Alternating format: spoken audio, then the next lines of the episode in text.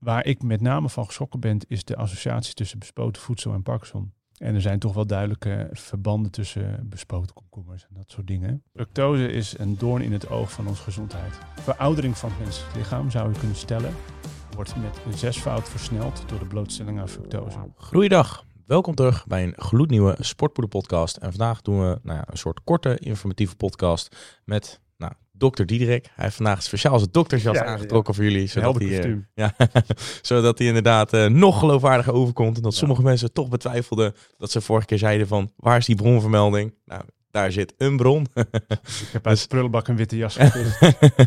Je weet het maar. Ja, Ze doen tegenwoordig alles voor TikTok. Dus eh nou ja, Diederik, eh, van harte welkom. Of in ieder geval dank eh, dat wij eh, vandaag eh, welkom mochten zijn. Dus Ja, de eerste keer voor Sportpoeder dat we in een ziekenhuis zitten. We zitten in het eh Twee Steden ziekenhuis in Tilburg. Klopt. Dus eh, nou, mooie, mooie mijlpaal voor ons. eh top, toppunt van met een dokter spreken, om Weer zo te zeggen. omhoog. Ja. ja, precies. Dus eh, nou ja, vandaag gaan we het in de podcast hebben over ehm, nou ja, voeding van tegenwoordig. En dan nou, de, de eiwitten, dat is voor de gymrats natuurlijk al een beetje vanzelfsprekend. Alleen vooral nou ja, onderwerpen die vaak ook naar voren komen. Of in ieder geval, ik, ik denk zelf, oorzaak nummer één van het overgewicht in Nederland is dat wij te veel suikers en vetten Mhm. consumeren. Omdat heel veel bewerkt voedsel Hmm. suiker en vetten bevat om Mhm. nou, langdurig houdbaar te zijn, Hmm. lekker maakt, et cetera, et cetera. Ehm, deel jij die mening daarin? Absoluut, 100%.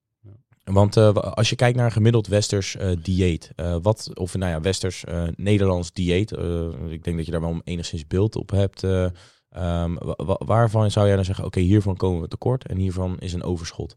Nou, wat er vooral eh, veel gebeurd is in de laatste 10, 15 jaar is het gemak. E- eh, eten voor het gemak. En dan bedoel ik niet per se iets afhalen of bestellen. Maar ik bedoel met name dat eh, de supermarkt er heel erg is op gericht om producten te leveren aan klanten en consumenten die eh, voorbereid zijn, voorbewerkt zijn, houdbaar zijn. Eh, gooi drie, vier dingen bij elkaar uit een potje en dan heb je een gerecht en dan heb je toch het gevoel dat je gekookt hebt. Ehm, Voldoening. ja, en, en, en dat maakt dus dat bewerkt voedsel eigenlijk eh, de een standaard positie heeft ingenomen in het Nederlandse dieet. En bewerkt voedsel gaat, eh, gaat best wel ver hoor. Kijk, onbewerkt voedsel is soms duidelijk, want het komt van het land. En als het op een, op een plank in de supermarkt ligt en er zit geen label op, omdat je nou zonder label namelijk precies weet wat het is, dan is het onbewerkt. Ja, precies. En alles waar een etiket op staat, eigenlijk moet je een, een voedings, voedingslepel zien als een soort eh waarschuwingsteken, gevaarlogo. Red flag. Ja, alles waar een ingrediëntenlijst eh, op staat, eh, dat is pas op geblazen. Ja. Ehm, ik denk niet dat je op de, de bloemkool een ingrediëntenlijst met inhoud, dubbele punt, bloemkool Ik, ik denk ook dat bloemkool nog een van. Ja, ik denk dat je dat alleen in het. eh, nou, ja, dat is ook logisch, maar in het groente- en fruitschap onbewerkt voedsel gaat vinden. Waar geen label op zit. Dat je het inderdaad zelf een label erop moet plakken van de weegschaal. Dit is het. Maar dat, eh, ja, inderdaad. Als je, we, we hebben vorige week hebben we bijvoorbeeld ook een podcast opgenomen met Upfront. En daar hadden we het inderdaad ook over dat eigenlijk 80% van wat in de supermarkt ligt ongezond slash bewerkt is. Want de meeste producten die in de supermarkt liggen zijn best wel, eh, nou ja, ongezond. Rijke Ja. suikers, rijke En, vetten. en, dat, ik denk dat dat het gevolg is van het feit dat we het he- nogal druk hebben met elkaar. Ja. En we hebben het heel druk met werk en met sociale relaties en sociale media. En de dag zit vol. Dus waar je tijd kan besparen, ga je tijd besparen. En dat zit hem onder andere in het bereiden. Eh, dus dan kies je de makkelijkere opties. En ik denk dat eh, fabrikanten heel goed in staat zijn om een product er heel gezond uit te kunnen laten zien. Ja. Ja, we hebben het natuurlijk altijd over de big pharma, maar big food. Ik weet niet of die, echt, die term echt bestaat, maar ik, ik, ik denk dat die ook absoluut bestaat. Want natuurlijk wat ze tegenwoordig Ja. qua marketingtrucjes ook weten uit te halen. Want eh, ze gaan je niet overtuigen om een appel te, eh, om het, eh, een appel te laten, Nee. te laten kopen, maar juist wel om eh, die Snickers te verkopen, om maar Ja. zo te zeggen. Ja, en Big Pharma heeft tenminste ergens nog een goed doel. Ja. Ze willen mensen beter maken. En er wel geld aan verdienen als het even kan. Ja, en bij big food proberen ze de winst beter te maken. geld verdienen. Ja, ja. absoluut.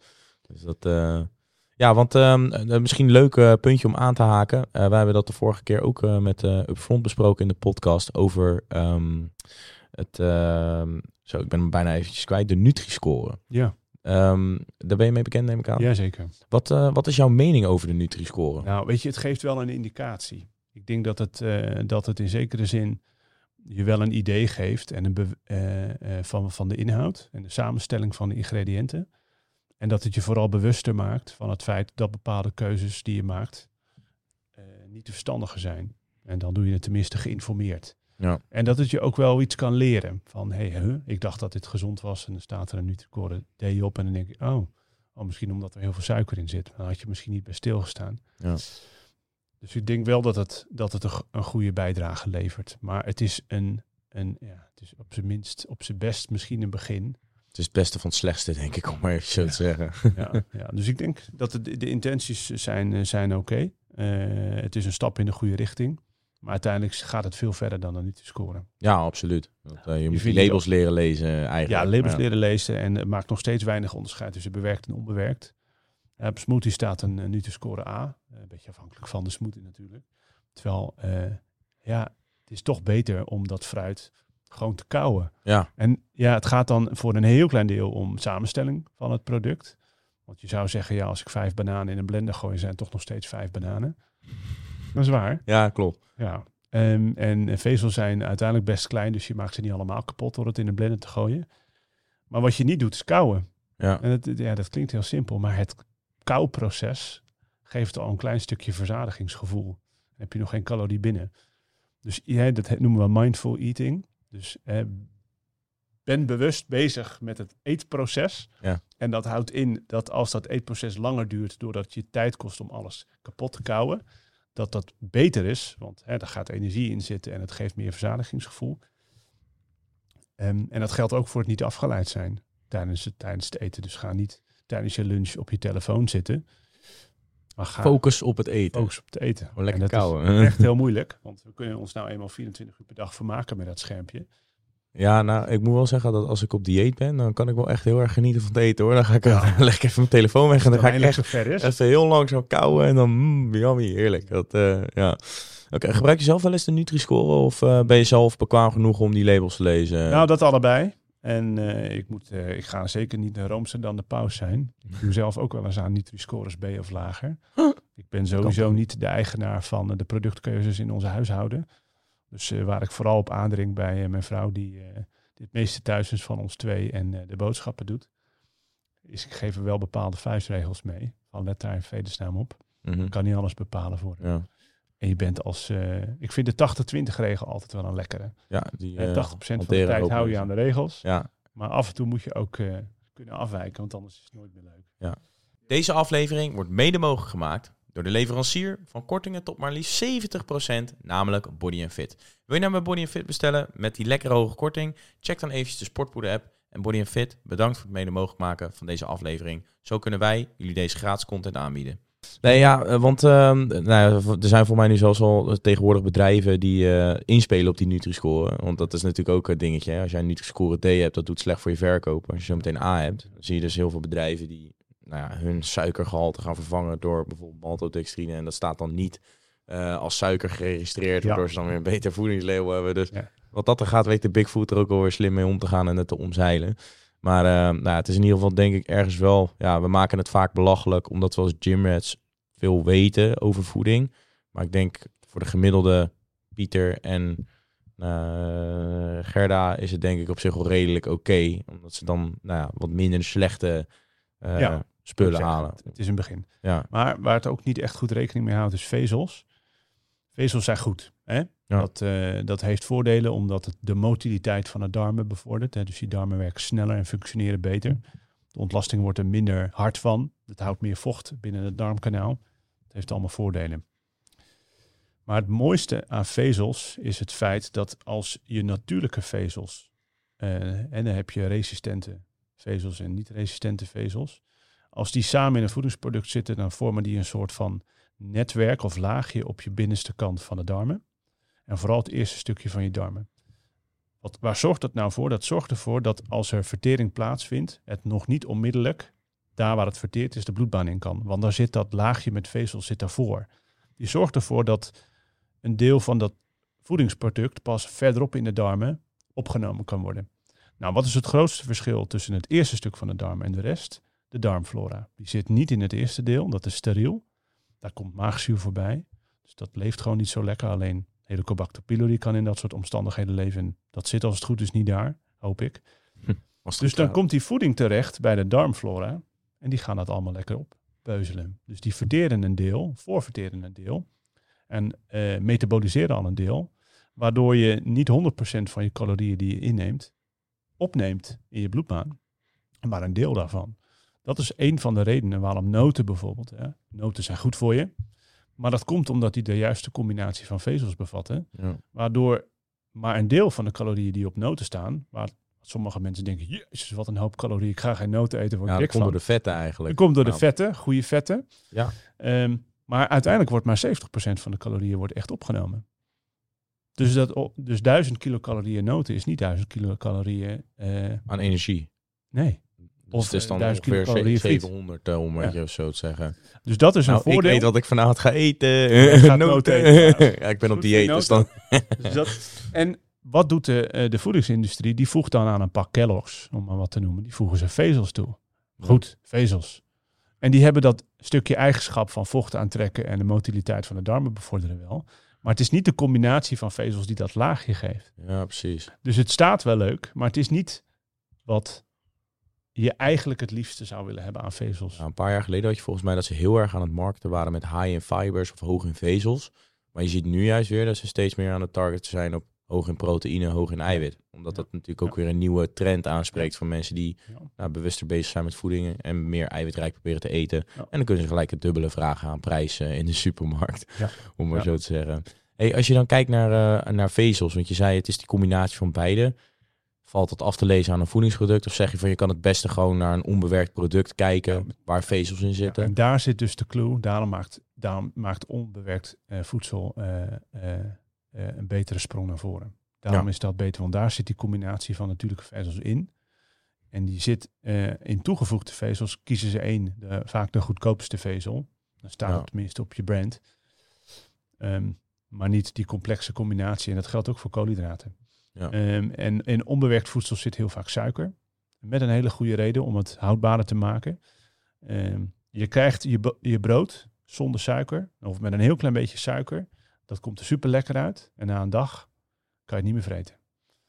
Ja. En als je er meer suiker aan toevoegt, dan is het na een dag houdbaar, na twee en drie dagen nog steeds. Hè. Dus dat fluffy, lekkere, zachte brood. Er Ja. zit veel suiker in. Dus dat maakt het aantrekkelijk als product. Het smaakt lekker en het is goed houdbaar. Kost niet zoveel. Suiker is niet zo duur. Maar het is ten opzichte van zelfgemaakt brood, waar de goede vezels in zitten. En je maar heel weinig su- suiker hoeft toe te voegen voor het gisten. Maar dan moet je het eigenlijk al dezelfde dag opeten, denk ik. Ja, Ja, maar je hebt hele mooie broodmachines. ja. Die zet je in een timer op vier uur s'nachts en dan is je klaar als jij je bedje uitkomt. Dan ruikt het hele huis naar brood. Kost je een euro voor een broodje. Echt serieus. Niet iedereen die gelijk een broodmachine Kost je gaat twee minuten. Maar wacht, jij zegt vier uur s'nachts, dan onderbreek je je slaap. Dat kan natuurlijk Nee, dan hè. gaat hij vanzelf aan. Oh, hij ben dan je. klaar als jij je bed uit. Ja, nu heb ik... Als jij netjes 7, 8 uur Ik slaapt. denk dat ik wat voor mezelf onder de kerstboom ga leggen. oh nee joh. Nou ja, en als je dan zou kijken, want ehm, je, je zou, of in ieder geval eh, wat betreft vezels, je had net natuurlijk over noten. Nou, heel veel mensen denken dan, oh ja, pi- pinda's. Maar dat zijn voor mij juist niet de goede die je moet hebben. Of in ieder geval niet de, de, de beste. Ehm, als jij zou, zelf zou kijken in de supermarkt naar als je dan noten gaat aanschaffen. ehm, daar, zit dan, dat, daar zit dan wel een label op, maar Ja. het komt even niet anders in de verpakking. Ja. Ehm, waar zou je dan vooral naar kijken? Welke noten zou jouw voorkeur hebben? Ja. Ongezouten waarschijnlijk, denk Ja. ik. heel goed. Of je moet heel veel water drinken. Dan, ja, eh, exact. Eh, ik denk vooral de mixen van de walnoten en van de macadamia-noten. En van de, eh, hoe heet die, die, die lange, lange donkerbruine amandels, dankjewel. oh ja. Dat soort noten. En pinda's en pista's staan misschien iets minder op de gezondheidsladder. Ook als het gaat om de inhoud qua vetzuren. Ehm, Dus zijn wel de meest voorkomende. ja, altijd de wel duurste makkelijk, eh, noten zijn het beste. Red. Ja, absoluut. Dat is, eh, dat is met alles Dat is zo. met alles zo. Goedkoop is duurkoop, zeg ik altijd. Het is heel, eh, het is heel duur om gezond te eten. Ja, nee, zeker. Nou ja, want ehm, als je dan eh, zelf in de supermarkt eh, rondloopt eh, en je zou zeggen, oké, dit zou, want nou ja, je zegt dan noten, dan- nou, dan, vooral die top drie, dus die amandelen, macadamia en walnoten. Ehm, en als je dan kijkt naar, naar fruit, ik probeer altijd voor mijn vezels kiwis te eten. Daar Ja. ben ik altijd wel fan van. Ja. Twee kiwis per dag. Ehm er zijn natuurlijk eh en andere fruitsoorten. Wa- wat voor, wat zou jouw favoriete zijn, zeg maar, als ma- gemak in de supermarkt, wat ze bijna overal wel hebben? Ehm, Als we dan kijken naar fruit of groenten. Wat mij altijd helpt is de lijst met de glycemische index. Dus dat zegt iets over de snelheid waarmee de suiker wordt afgebroken en in de bloedbaan terechtkomt. Heb je die bij de hand of kan je die op Google vinden? Of, Die heb eh, ik niet bij de hand. uit je hoofd? Nou, even kijken hoor. Wat zijn nou goede eh, fruitsoorten? Ik denk dat, dus, en de hoeveelheid suiker in fruit telt daarin ook mee. Ik denk dat appels en bananen bijvoorbeeld beter doen dan aardbeien en, eh, en druiven. Druiven zit relatief veel suiker Ja, die in. zijn heel zoet inderdaad altijd. eh. Ehm, dus daar kan je, een, eh, kan- je een hiërarchie in vinden. Waarbij de, de, de lage glycemische index meestal degene zijn de rijkst in vezels en het laagste in hun suiker. Overigens is suiker in fruit kwantitatief niet zo heel erg veel. En je hebt natuurlijk druiven waar dan heel veel suiker in zit, maar dat is nog steeds waarschijnlijk veel minder dan de meeste andere producten waar suiker in Klopt. verwerkt zit. Dus het is ook weer niet zo dat je je fruit moet laten vanwege de suiker. Maar vaak wat je bij mensen ziet, denk ik, maar dat is mijn aanname, is dat ze dan een en-en doen. Dan denken ze, oh, ik heb fruit gegeten. Dus dan hebben ze die druiven met suikers bijvoorbeeld al gegeten. Dan denken ze, er kan wel wat lekkers bij. En dan halen ze ook nog die snickerbonbon met suiker. Ja, precies. nee, maar ook eh, mandarijnen of sinaasappels en kiwis zijn denk ik echt een uitstekende keuze wat dat betreft. Ja. Antioxidanten heb je in je fruit, dat is prettig, die vezels dus. Ehm, en de koubeleving, ja, daar kom ik weer, maar dat kou is best wel... Ja, kou is belangrijk vooral. Dat, eh. Hey, en ehm, als we dan kijken naar, ehm, want er zijn best wel veel uh, gymrats zijn micromanagers, om het maar zo te zeggen. Natuurlijk tegenwoordig steeds vaker dat fruit bespoten wordt eh, om insecten weg te halen bij de, Ja. de landbouw. Eh, als je dan kijkt naar, nou ja, naar dat onderdeel, wat zou jij daarin aanraden of kijken van, nou ja, eh, dit, dit is wat jij er bijvoorbeeld voor doet? Of koop je altijd biologisch? Of ehm, Eh, ja, heb je een bepaalde procedure om je fruit af te we hebben wassen? een klein moestuintje. Ah, oké. Ja. Ah, oké. Ja. Nou, En, biologischer dan dat ga je het niet krijgen, denk Nee, ik. En dat, ehm, dat onbespoten versus eh, bespoten, dat is denk ik wel een belangrijk thema. Voor de, voor de, ja. ik, waar ik met name van geschrokken ben, is de associatie tussen bespoten voedsel en Parkinson. En Parkinson, dat gaat echt, eh, ja, je moet de statistieken maar eens kijken hoeveel mensen Parkinson krijgen. Dat aantal neemt best wel snel toe. Dat ook heb op ik ook jongere vernomen. leeftijd. ja. Dat zit hem dus niet per se in het feit dat we ouder worden met elkaar. Dat moet iets in de omgeving zijn, want verder zijn we genetisch niet heel erg veranderd. En er zijn toch wel duidelijke verbanden tussen bespoten komkommers en dat soort dingen. Heeft uit epidemiologisch onderzoek en de ziekte van Parkinson. En dus dat zegt toch wel iets over dat die, die, die stoffen die gebruikt worden voor het bespuiten, dat die waarschijnlijk geen acuut effect hebben, maar toch in langdurige Lange termijn, blootstelling, ja, in kleine hoeveelheden. Ja. toch neurotoxisch kunnen zijn. Dus dat, dat schikt mij wel af. Ehm, het is, je moet je even over het prijsverschil heen zetten. Want Ja. biologisch is toch best wel duurder.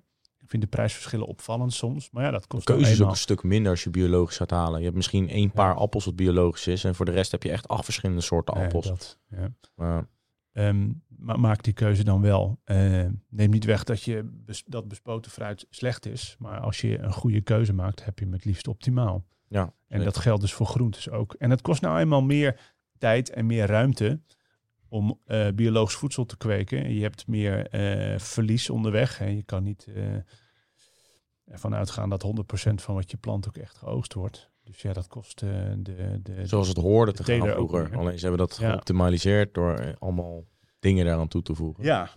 En dan heb je natuurlijk nog die discussie, wat doen we dan met CRISPR en het genetisch manipuleren van, van fruit en groenten. Ja. Daar zit ik niet genoeg in. Maar ik denk wel dat als je daardoor in staat bent om een groente of fruit te creëren waarvoor je dan geen pesticiden nodig hebt, het bespuiten eh, onnodig maakt, maar je het daardoor wel mogelijk maakt om toch eh, meer rendabel te oogsten en voor een betere prijs eh, weg te zetten in de supermarkt, zou ik dat niet eens een bezwaar vinden. Op zich het muteren en het uitselecteren van de beste genen, dat doen we in onze landbouw al eeuwen. Ja. En met onze, met onze dieren doen we dat ook. De koe eh, zoals we hem nu hebben, die komt niet in het wild voor. Dit is helemaal uitgeselecteerd door allemaal Ja. natuurlijke selectieprocedures. Ja, als we dat eh duizend jaar een beetje doen en we hebben nu de technieken om dat op korte termijn veel gerichter te doen, zonder al die mislukte varianten eh, te hebben, zou ik zeggen, pak je kans. Ja. Ik denk dat dat nog relevanter is voor, voor continenten als Afrika en, en Azië.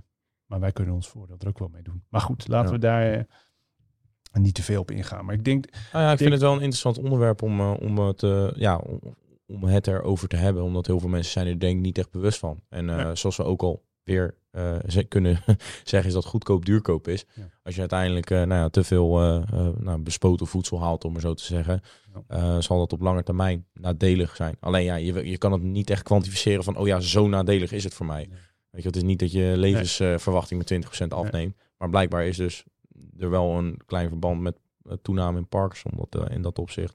Hey, da- dan eh, nog één vraagje over de nou, be- be- bespuiting, om maar zo te zeggen. Zijn er nog andere medische risico's van het nou, in de teelt, waar dus dan vlees of groente- en fruitteelt, eh, waar, waar bepaalde gezondheidsrisico's aan zitten, omdat dat zo nou, gemanipuleerd wordt of be- bespoten Ja. wordt bijvoorbeeld? Ja, dus daar gaat het met name om wat je op het fruit of de groente spuit wat meegaat eh, de consument in, zeg Ja, maar. eigenlijk wel. Ja, ik ken niet heel veel meer concrete voorbeelden wat er dan specifiek aangekoppeld is qua ziektebeelden of veranderingen van afweersysteem of risico op bepaalde vormen van kanker. Ik weet niet of die data er zo hard zijn als die bijvoorbeeld voor Parkinson begin vorig jaar gepubliceerd zijn. Dat is schokkend, denk ik. Het is ook wel bijzonder dat er dan niet gelijk naar gehandeld wordt. Dat, eh, maar misschien kom je dan weer terug bij de Big Food, dat, dat, eh, dat die daar meer grip op hebben dan je zou verwachten. vast niet gedacht hebben, oh, nou, dan, dan stoppen we daar. Ja. ja. Hey, en ehm, Ik eh, denk trouwens dat de impact van de, de, de, de suikers die verwerkt zitten in voedsel en het, eh, het, het niet vezelrijk zijn van onbewerkt voedsel, dat dat veel problematischer is. ja, nou ja, dat Misschien is, per persoon minder, maar uiteindelijk op maatschappelijk niveau gaat dat veel meer mensen aan. Er is de metabole ziekten die daarmee tot stand komen, van suikerziekte tot hart- en vaatziekte en dementie, is veel groter, de last van die ziekte op de maatschappij, dan zeldzamere ziektes en aandoeningen. Ja. Die veroorzaakt worden door bijvoorbeeld pesticiden. Ehm, maar alles wat je kan en moet vermijden, eh, zonder dat het hele grote consequenties heeft voor de voedingsindustrie, moet je misschien ook vermijden. Ja, het liefste wel inderdaad. Ja, want eh, als we dan kijken naar eh, nou, to- toch nog een stukje van die suikers. Want jij zei ook van nou ja, in eh, fruit zit in verhouding kwantitatief veel minder suiker dan ten opzichte van bewerkte producten. Ehm, ik heb me wel eens, of in ieder geval volgens mij is het zo dat je lichaam reageert hetzelfde op fruitsuikers als geraffineerde suikers. Alleen de reden dat je die fruitsuikers eet is juist omdat er vezels in zitten. Juist. dat is volgens mij het... Ja, dus dat heeft te maken ook met de snelheid waarbij die glucose of fructose opgenomen wordt door die vezels. Ja. En dat gaat veel geleidelijker aan dan met eh, bewerkt voedsel. Eh, in feite klopt het wel dat een fructosemolecuul in, in een appel is dezelfde fructosemolecuul als in een eh, Snickers. Ja. Dus als daar, hè, stel dat dat kwantitatief helemaal hetzelfde zou zijn, dan zou je kunnen zeggen, oké, calo calorisch zit hetzelfde in het ene product als het ander. Maar toch is de praktische uitwerking anders. Ja. Alles wat om die suiker heen hangt in die Snickers is ook niet goed. Ja. En door de vezels is de vertering daarvan anders. Dus een deel van die fructose komt bij je darmflora terecht. En die maakt er gas van. Nou, dat scheelt jou een calorieën. En dat kan een paar goede winden laten en iedereen wint. Dus ik denk dat Iedereen je... Ja, wint. DT. Ehm, dus dat is toch verschillend. Ja. En fructose, om daar dan toch eventjes een personal rant van te maken. Had ik dat vorige keer al gedaan, want dat doe ik bijna elke week. Dus misschien Komt u maar. Dat, eh, je hebt nu die witte jas aan, hè? Nu komt het nog geloofwaardiger over. Fructose is een doorn in het oog van onze gezondheid. Eh, zo zie ik dat wel. En de reden, het zijn eigenlijk drie belangrijke redenen waarom ik fructose toch wel als riskant zie. Eh, fructose heeft energie nodig voordat het verbrand kan worden. Dus hè, glucose gaat als het ware de verbrandingsmotor in. En fructose moet je zien als ruwe olie. Dat moet eerst bewerkt worden voordat het benzine is. En dat energieproces dat vindt plaats in de lever. En als die in één keer heel veel fructose krijgt, dan moet hij dus heel veel energie investeren om dat fructose te kunnen metaboliseren. En dat leidt kortdurend tot op celniveau zuurstoftekort en schade. Dus de lever ondervindt celschade van de consumptie van fructose. Ook daarin is het natuurlijk belangrijk dat die fructose niet in één klap bij de lever terechtkomt, maar een beetje uitgesmeerd wordt over de tijd door vezels.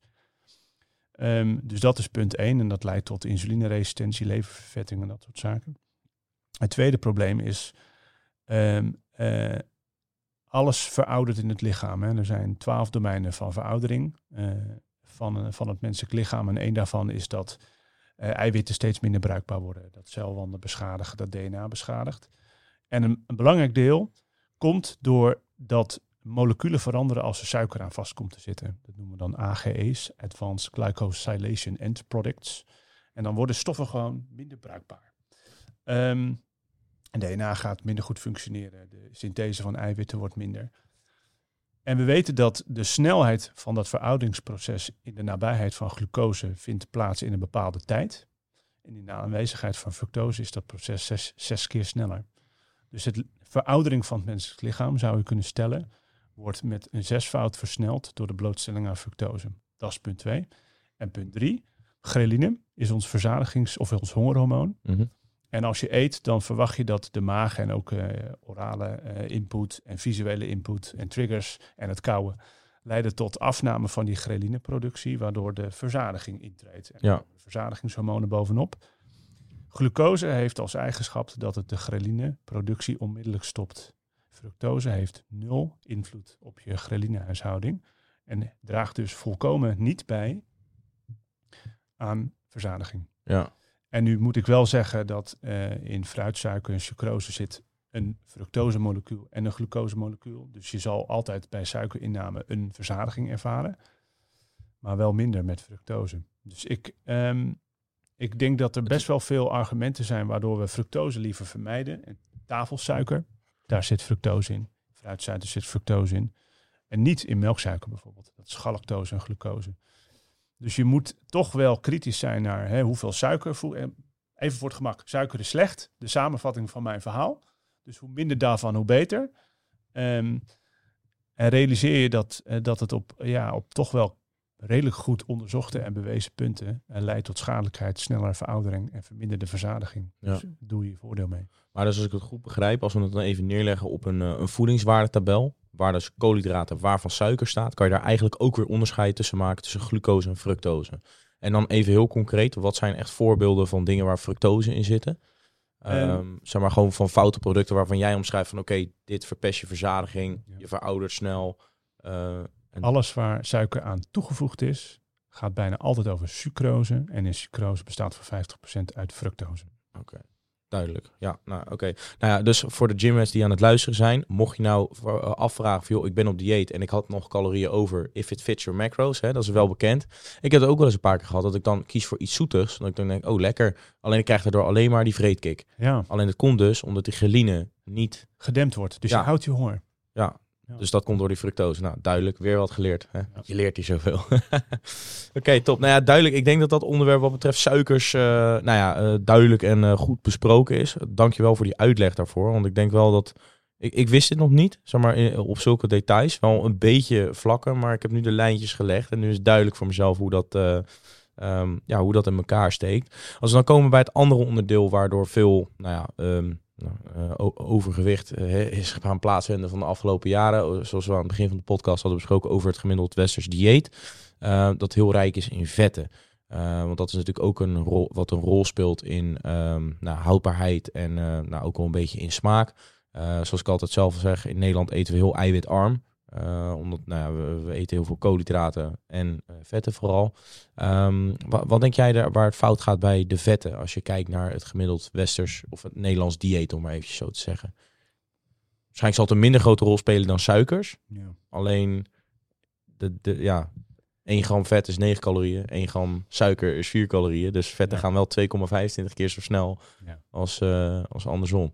Ehm, ja, waar, waar zit het probleem met de vet? Ik denk dat de soort vetten die uitgekozen worden, dat die misschien niet altijd de beste zijn in de, de voedingsproducten. Chroma bakvet. Nou ja, kijk, omega-3 en omega-6 vetzuren is natuurlijk een bekend fenomeen, een verschil en term die veel mensen wel eens gehoord hebben. De goede omega-3 vetzuren, omega-6 vet, vetzuren, de mindere. Het zijn wel onverzadigde vetzuren, dat is altijd nog weer beter dan verzadigde vetzuren. Die hebben weer veel meer impact op bijvoorbeeld cholesterolsynthese, vetopslag. Ehm, en omega-6 vetzuren, nou, dat is een voorbeeld. Arachidonzuur is dan een omega-6 vetzuur. En dat is dan een belangrijke vetzuur die leidt tot ontstekingsactiviteit. En die wordt in verband gebracht met inflammatoire activiteit. Terwijl omega-3 vetzuren zitten in je vis. Dat heeft juist een dempende werking op, eh, op, op inflammatie. Dat zijn eh, kleine elementen. Maar de verzadigde vetzuren, ja, die hebben de meeste negatieve impact op je gezondheid. Ehm, even los van de calorische waarde, het doet dus iets met, eh, met vetopslag. Dus ik denk dat eh, vetten op zich zijn het probleem niet alles in, eh, in moderation, zou ik maar zeggen. Maar de soort vetzuren die toegevoegd worden aan voeding, voeding dat, ma- dat maakt wel heel veel uit. Ja. ja, en natuurlijk ook dat als je geen eiwitten eet, dan ga je naar andere macronutriënten opzoeken. En dan zijn vetten makkelijker om nou ja, te consumeren in dat opzicht. Veel goedkoper in verhouding ook. En dan kan het ook eh, snel gaan, om maar zo te zeggen. Oké, dus eh, jij, jij denkt zelf niet echt per se dat vetten, dat daar het, het probleem zit. Alleen hetgene wat toegevoegd wordt aan voedsel. Nou ja, en, en natuurlijk in, in boter zitten andere vetten dan in olie. Ja, Dus zeker. Het, eh, als, je, als je vetzuren kiest om, om in je dieet te stoppen, dus de macrovet, kent een aantal categorieën en subdivisies. En daarin, Ja, zeker. Ja, en, en daar kan je natuurlijk, daar kan je je voordeel mee doen. Om als je vet eet, dan zou vis misschien een betere optie zijn dan bakolie. Ja. Of, of eh, frituurvet. Ja, en als we dan kijken naar, want je zei net van ja, of je kiest voor olie of voor boter. Ehm, ja, ik gebruik liever roomboter dan halvarine. Voor mij is dat ook beter. Minder slecht. Ja. Laten we het daarop houden in ieder geval. Ehm, maar bijvoorbeeld welke oliën zijn dan wel goed? Want er is de laatste tijd ook heel vaak ehm, nou, zijn er dingen naar voren gekomen dat plantaardige vetten minder goed zijn voor het lichaam dan ehm, nou, vetten uit, ehm, even kijken, dan, dan uit dierlijke vetten bijvoorbeeld. Eh, of in ieder geval, het was vooral de rel dat zonne, zonnebloemolie minder goed voor je is dan eh, Olijfolie. olijfolie inderdaad. Ja. Wa- Waar, waar zit dat in? weet ik niet precies. Oh, Dat heeft met het type vet wat erin zit, maar ik weet niet precies welke vet daarin zit. Ja. Ehm, zover, zover zit ik niet in olie. Nee, nee, oké. je bent geen olie sheik. ja. Oké, nee, en ehm, als we dan kijken, ehm, want dat, dat is het bruggetje wat ik eigenlijk wilde slaan, eh, is cholesterol natuurlijk ook vaak iets wat, eh, wat Ja. een dingetje is. Ehm, voor, een perfect voorbeeld, ehm, heel vaak zeggen mensen, ja, je moet niet te veel eieren eten, want daar zit cholesterol in. Ja. Maar cholesterol kent twee kanten volgens mij, toch? Ja. Goed Ja, en een fout cholesterol. Ja, ja, ja. Maar dat, zijn weer, dat is weer anders. Oh, dat is ook weer anders. Ja, je moet je cholesterol in je bloedbaan eh, wordt opgebouwd uit een deel dat je zelf maakt Mhm. en een deel dat je vanuit voeding binnenkrijgt. En dat laatste deel dat je vanuit voeding binnenkrijgt is helaas voor veel mensen met een hoog cholesterol maar een heel beperkt deel, 10, 20 procent. Dus als je zes eieren per dag eet en je gaat terug van zes naar twee of naar één, dan scheelt dat. Maar binnen die 20 procent scheelt dat dus misschien 5%. helft, Ja, dus 10 procent op het totaal. ja. Elke cel in het menselijk lichaam maakt cholesterol. Als dat niet zo zou zijn, dan zou het menselijk lichaam niet bestaan. Eh, want cholesterol is gewoon essentieel voor heel veel biologische processen. Ook goed om te weten, denk ik. Ja. Voor de Ja, dus cholesterol is, je lichaam maakt het zelf omdat het niet kan ontberen in cholesterol. En als het het niet zelf zou maken, zou dat heel ingewikkeld zijn voor een cel. Cholesterol heb je voor allerlei lichaamsprocessen nodig Mhm. om testosteron te maken, om maar iets te noemen. Maar ook heel veel inflammatoire mediators zijn cholesterol eh, gebaseerd. Dus cholesterol is heel erg essentieel. Elke cel kan het maken. Maar de, hoe het afgepast is, zeg maar een cel maakt zijn behoefte en soms net iets te veel. Dus wat je wil hebben, je wil een, een infrastructuur hebben waarbij je het cholesterol kan verplaatsen. Nou, de bloedbaan is daarbij je snelweg. En daar heb je verschillende auto's die op rijden, of bestelbusjes, even het makkelijk te maken. Nou, je hebt het cholesterol dat in de lever geproduceerd wordt. Dus de lever is een soort van hub voor cholesterolproductie. Ja. Daar wordt heel veel cholesterol geproduceerd. En die stopt het dan in eh, partikels, VLDL-partikels. En daar zit triglyceride vetzuren in. En cholesterol. En dat reist dan in de bloedbaan op weg naar alle plekken die hun cholesterol nodig hebben. En dan krijg je eh, partikels, die komen dan bijvoorbeeld uit spiercellen of van vetcellen, die grijpen een stukje van het cholesterol. Want die hebben op dat moment net even iets meer cholesterol en vetzuren nodig. En dan langzaam maar zeker gaat eh, de vrachtwagen, wordt een kleine vrachtwagen, wordt een Albert Heijn busje en wordt een eh pic, pic, picknickbusje. Ja. Weet je wel? En dat zijn de LDL-partikels. Daar zit alleen nog maar cholesterol in. Alle vetzuren zijn uit, uitgedeeld. En dat moet dan weer terug de lever in. En de lever die moet dat cholesterol dus beetpakken en opnemen. En Ah. die interactie, daar zit veel problematiek. Want als dat niet goed lukt, blijven die partikels, die picknickbusjes, die blijven rondrijden.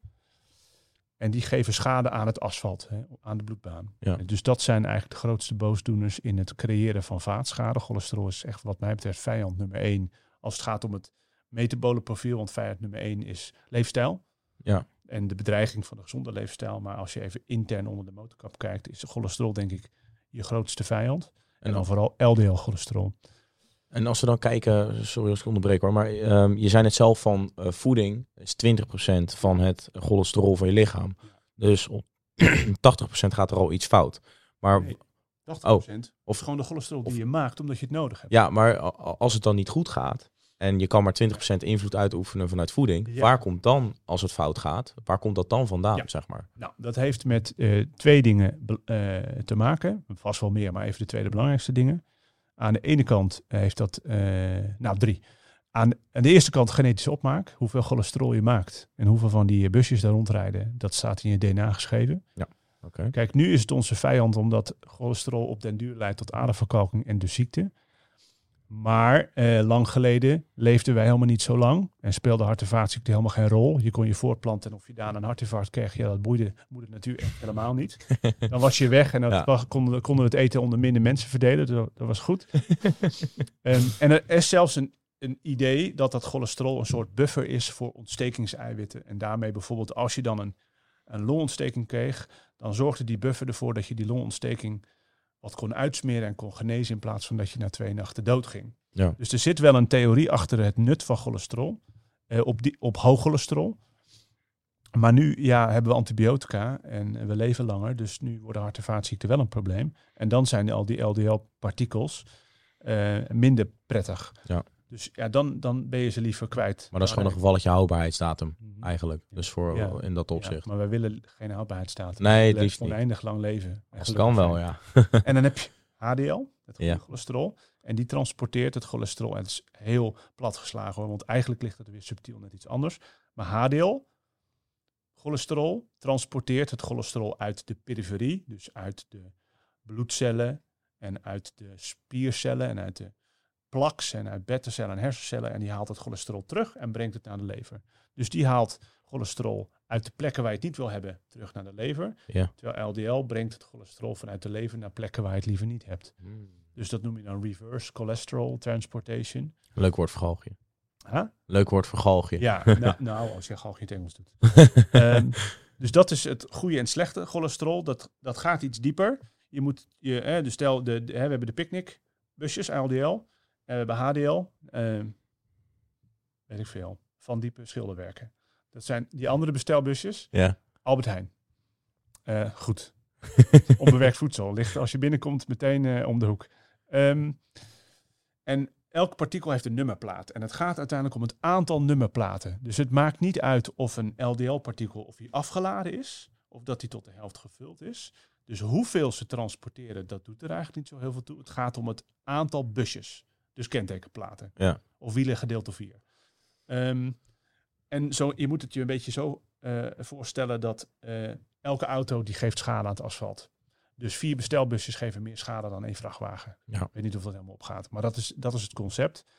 En we kunnen die LDL-partikels kunnen we in aantal meten door naar ApoB te kijken. Dat is de kentekenplaat van een LDL-partikel. Een ApoA is de kentekenplaat van HDL. En soms zien we dat mensen een heel hoog LDL-cholesterol hebben, maar een normaal ApoB. Die hebben dus gewoon afgeladen big- picknickbusjes. Ja. Geen probleem. Ah. Maar Andersom kan ook.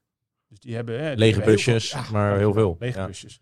Dus we kijken liever naar ApoB. Daar is nog meer verband tussen ApoB, hart- en vaatziekten, de sterfte.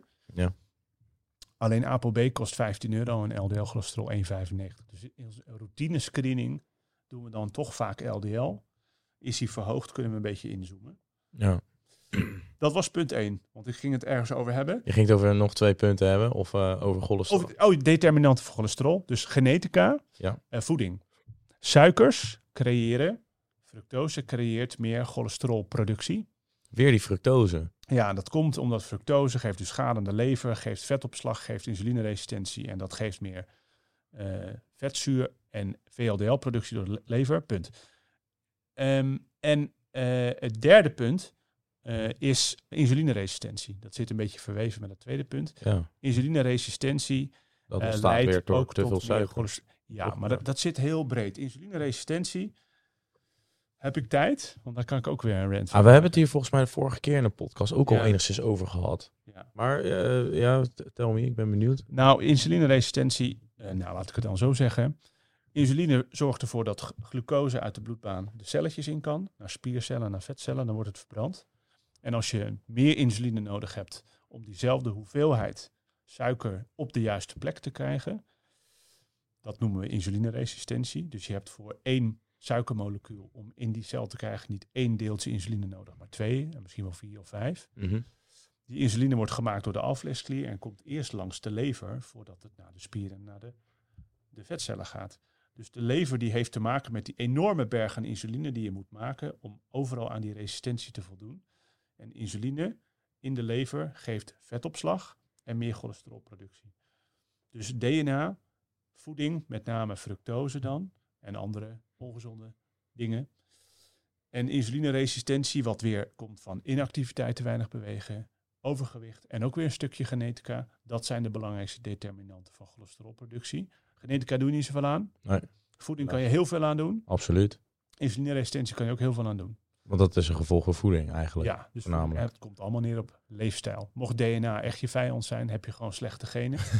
en, je, en wij zien dat best wel veel. Ja, maar we zien heel veel mensen met, en nou ga ik waarschijnlijk weer mensen tegen hun zere scheen aantrappen, maar wij zien heel veel mensen altijd die nou ja, zwaar overgewicht hebben, het blamen op hun genetica. Maar dat zou dus eigenlijk een beetje kunnen komen doordat ze heel slecht reageren op fructose, insulineresistent zijn en nou ja, een beetje dat genetica stukje. Maar Ja.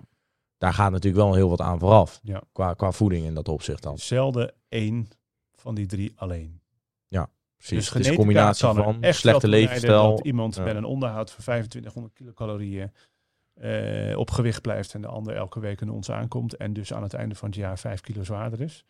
Uiteindelijk zal het toch te managen zijn met leefstijl. Gewoon minder er eten. vast- ja, we hebben het ook in de eerste podcast over gehad. Als je eenmaal zwaar bent, hè, dan past je metabolisme zich aan. En dan zal afvallen leiden tot zuinig omgaan met calorieën en dus minder makkelijk afvallen. Als je eenmaal daar bent, wordt het nog moeilijker. Dus daar niet naartoe gaan. Ja, Dus vanaf je 14e, 12e, 8e, weet ik veel, vanaf je babyleeftijd verstandig omgaan met voeding, lijkt mij een echte plus. Ja, absoluut.